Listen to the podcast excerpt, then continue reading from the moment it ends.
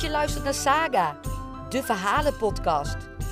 Sagen, mythes, sprookjes, verhalen voor jong en oud. Een verhaal voor het slapen gaan, onderweg, lekker lui op de bank, het maakt niks uit. Sluit je ogen en luister.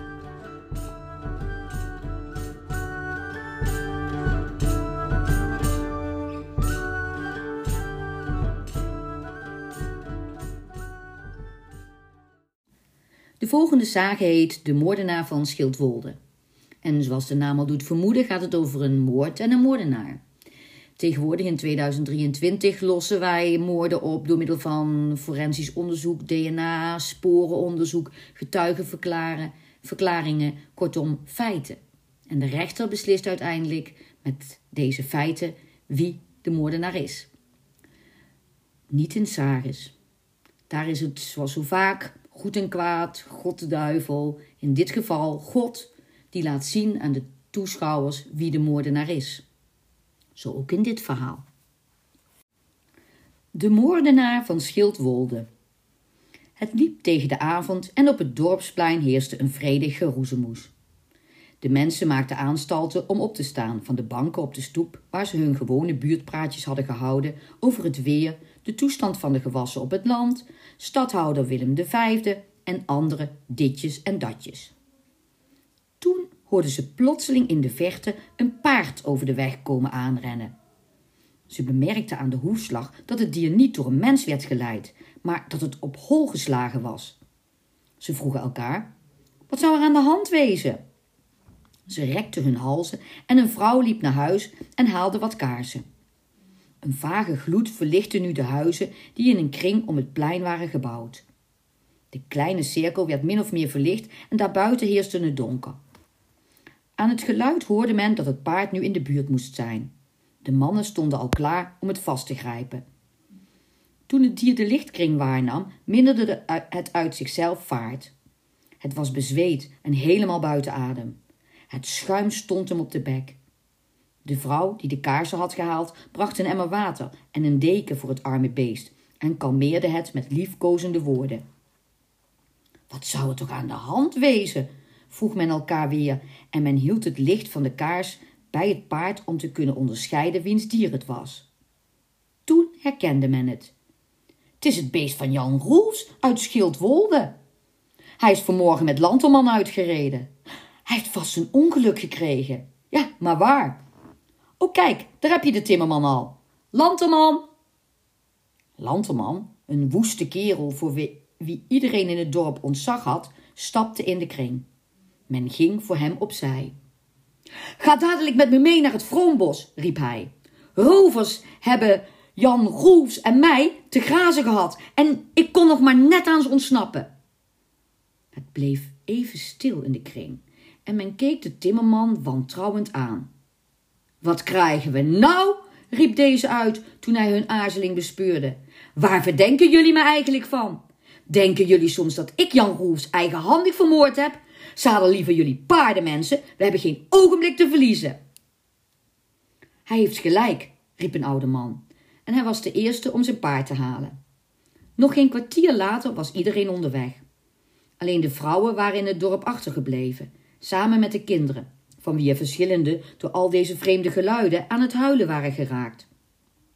De moeders troostten hun kinderen en wiegden ze opnieuw in slaap, met een onrustig hart wachtend wanneer hun mannen thuis zouden komen.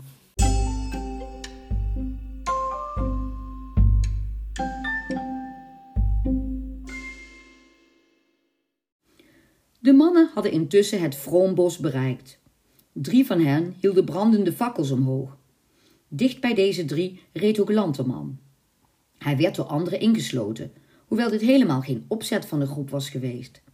Halt, riep plotseling de man die aan het hoofd reed, en hij sprong op de grond. Ik zie hier iemand op de weg liggen.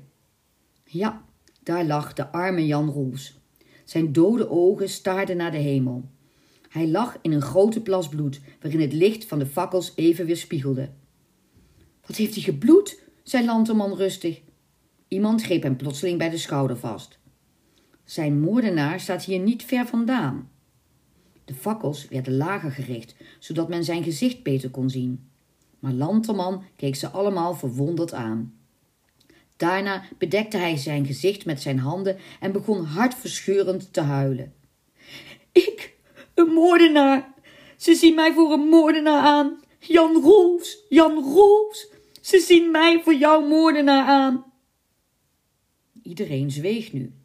Ze voelde dat een man die zo kon huilen moeilijk een misdadiger kon zijn. Van welke kant kwamen de moordenaars? vroeg iemand uit de groep op het laatst aan Lanterman. Uit het vroombos. Ze grepen ons vast. Ze hebben al ons geld meegenomen. Maar ik, ik wist me los te rukken en toen hebben ze met z'n allen Jan Roels aangevallen. Ik kon niks anders doen dan snel hulp gaan vragen. Oh Jan, Jan, help me toch! Haastig overlegde men met elkaar. Wat moesten ze geloven? Hoe kwam het paard los? Waarom was Lanterman dadelijk komen vertellen wat hij had gezien als hij schuldig was? Toch verdween het wantrouwen tegenover Lanterman niet helemaal uit hun hart. En toen ze in groepjes samen naar huis reden, liet iedereen de timmerman links liggen. Ik ben onschuldig, riep hij ze nog achterna. Hij was bang in zijn verlatenheid. Immers, in zijn eentje stelde hij niks voor. Wat te doen als iedereen hem bleef wantrouwen? Zo kon hij het leven niet leven. De volgende morgen probeerde hij met anderen een praatje aan te knopen, maar men antwoordde hem stuurs. Als er ergens een paar dorpelingen met elkaar stonden te praten, zag men hem alleen in een hoek staan. In de kerk wilde niemand naast hem zitten en de bank naast hem bleef leeg. Hij liep van dorpsgenoot tot dorpsgenoot en tegen elke man zei hij: Geloof je dan niet dat ik onschuldig ben? Men haalde zijn schouders op bij wijze van antwoord. Tot wij weten wie de moordenaar is, weten wij niks en geloven wij niks, Lanterman. Oh, wat een ellende, riep Lanterman uit, dat ik nu zelfs door mijn eigen volk niet geloofd word. Ze durfde hem niet recht in de ogen te kijken, want ze voelde zich een beetje schuldig over hun eigen vreedheid. Waarom viel het ze toch zo moeilijk hem te geloven? De timmerman schreeuwde ze in hun gezicht. Hier zullen jullie nog spijt van krijgen. Alleen God weet hoe de vork in de steel zit. Jullie zullen het zien.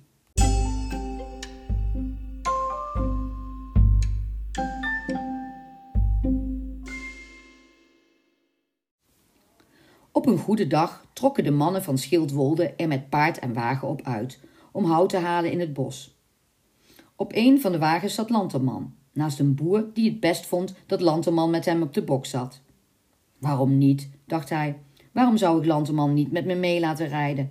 Hij verdient een kans. Toen ze in het bos waren aangekomen, ging iedereen hard aan het werk. Onder de hete zon laden ze het hout op de wagen.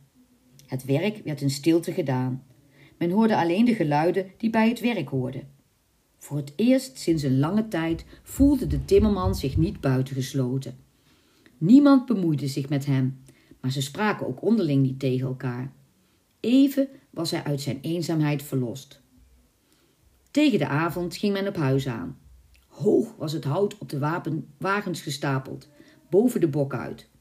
Wie zin had om mee te rijden, die moest er niks om geven dat hij met zijn rug niet tegen veren kussens leunde. De kar schommelde en de blokken hout voelden hard aan. De lange rij wagens werd gesloten door de kar waar de boer en lanterman op zaten.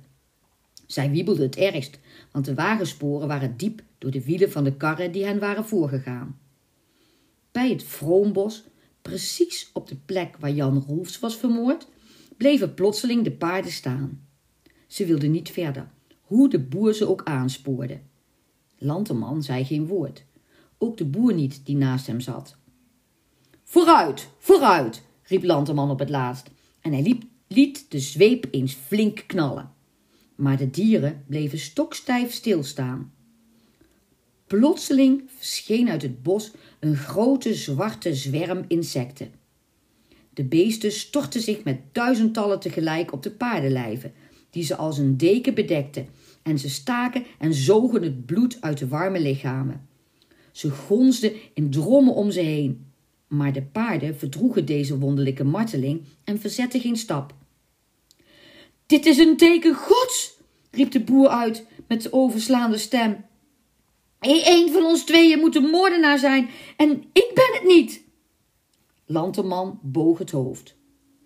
Op deze plaats is Jan Roels vermoord, timmerman. Zeg nu ten overstaan van God en de mensen wie van ons beiden de moord heeft gepleegd. God vreekt waar hij niet spreekt, antwoordde Lanterman. Op dat moment trapte ineens een van de paarden achteruit en raakte Lanterman tegen het hoofd. Deze tuimelde van de wagen, viel met een harde klap op de grond en brak zijn nek. Op hetzelfde ogenblik lieten de zwermen insecten af en ze keerden weer terug naar waar ze vandaan gekomen waren. De paarden begonnen de wagens te trekken en een ogenblik later hoorden ze de voorste wagens hadden ze de voorste wagens al ingehaald. Lanterman lag dood in het bos, precies op dezelfde plaats waar hij zijn vriend verraderlijk had vermoord.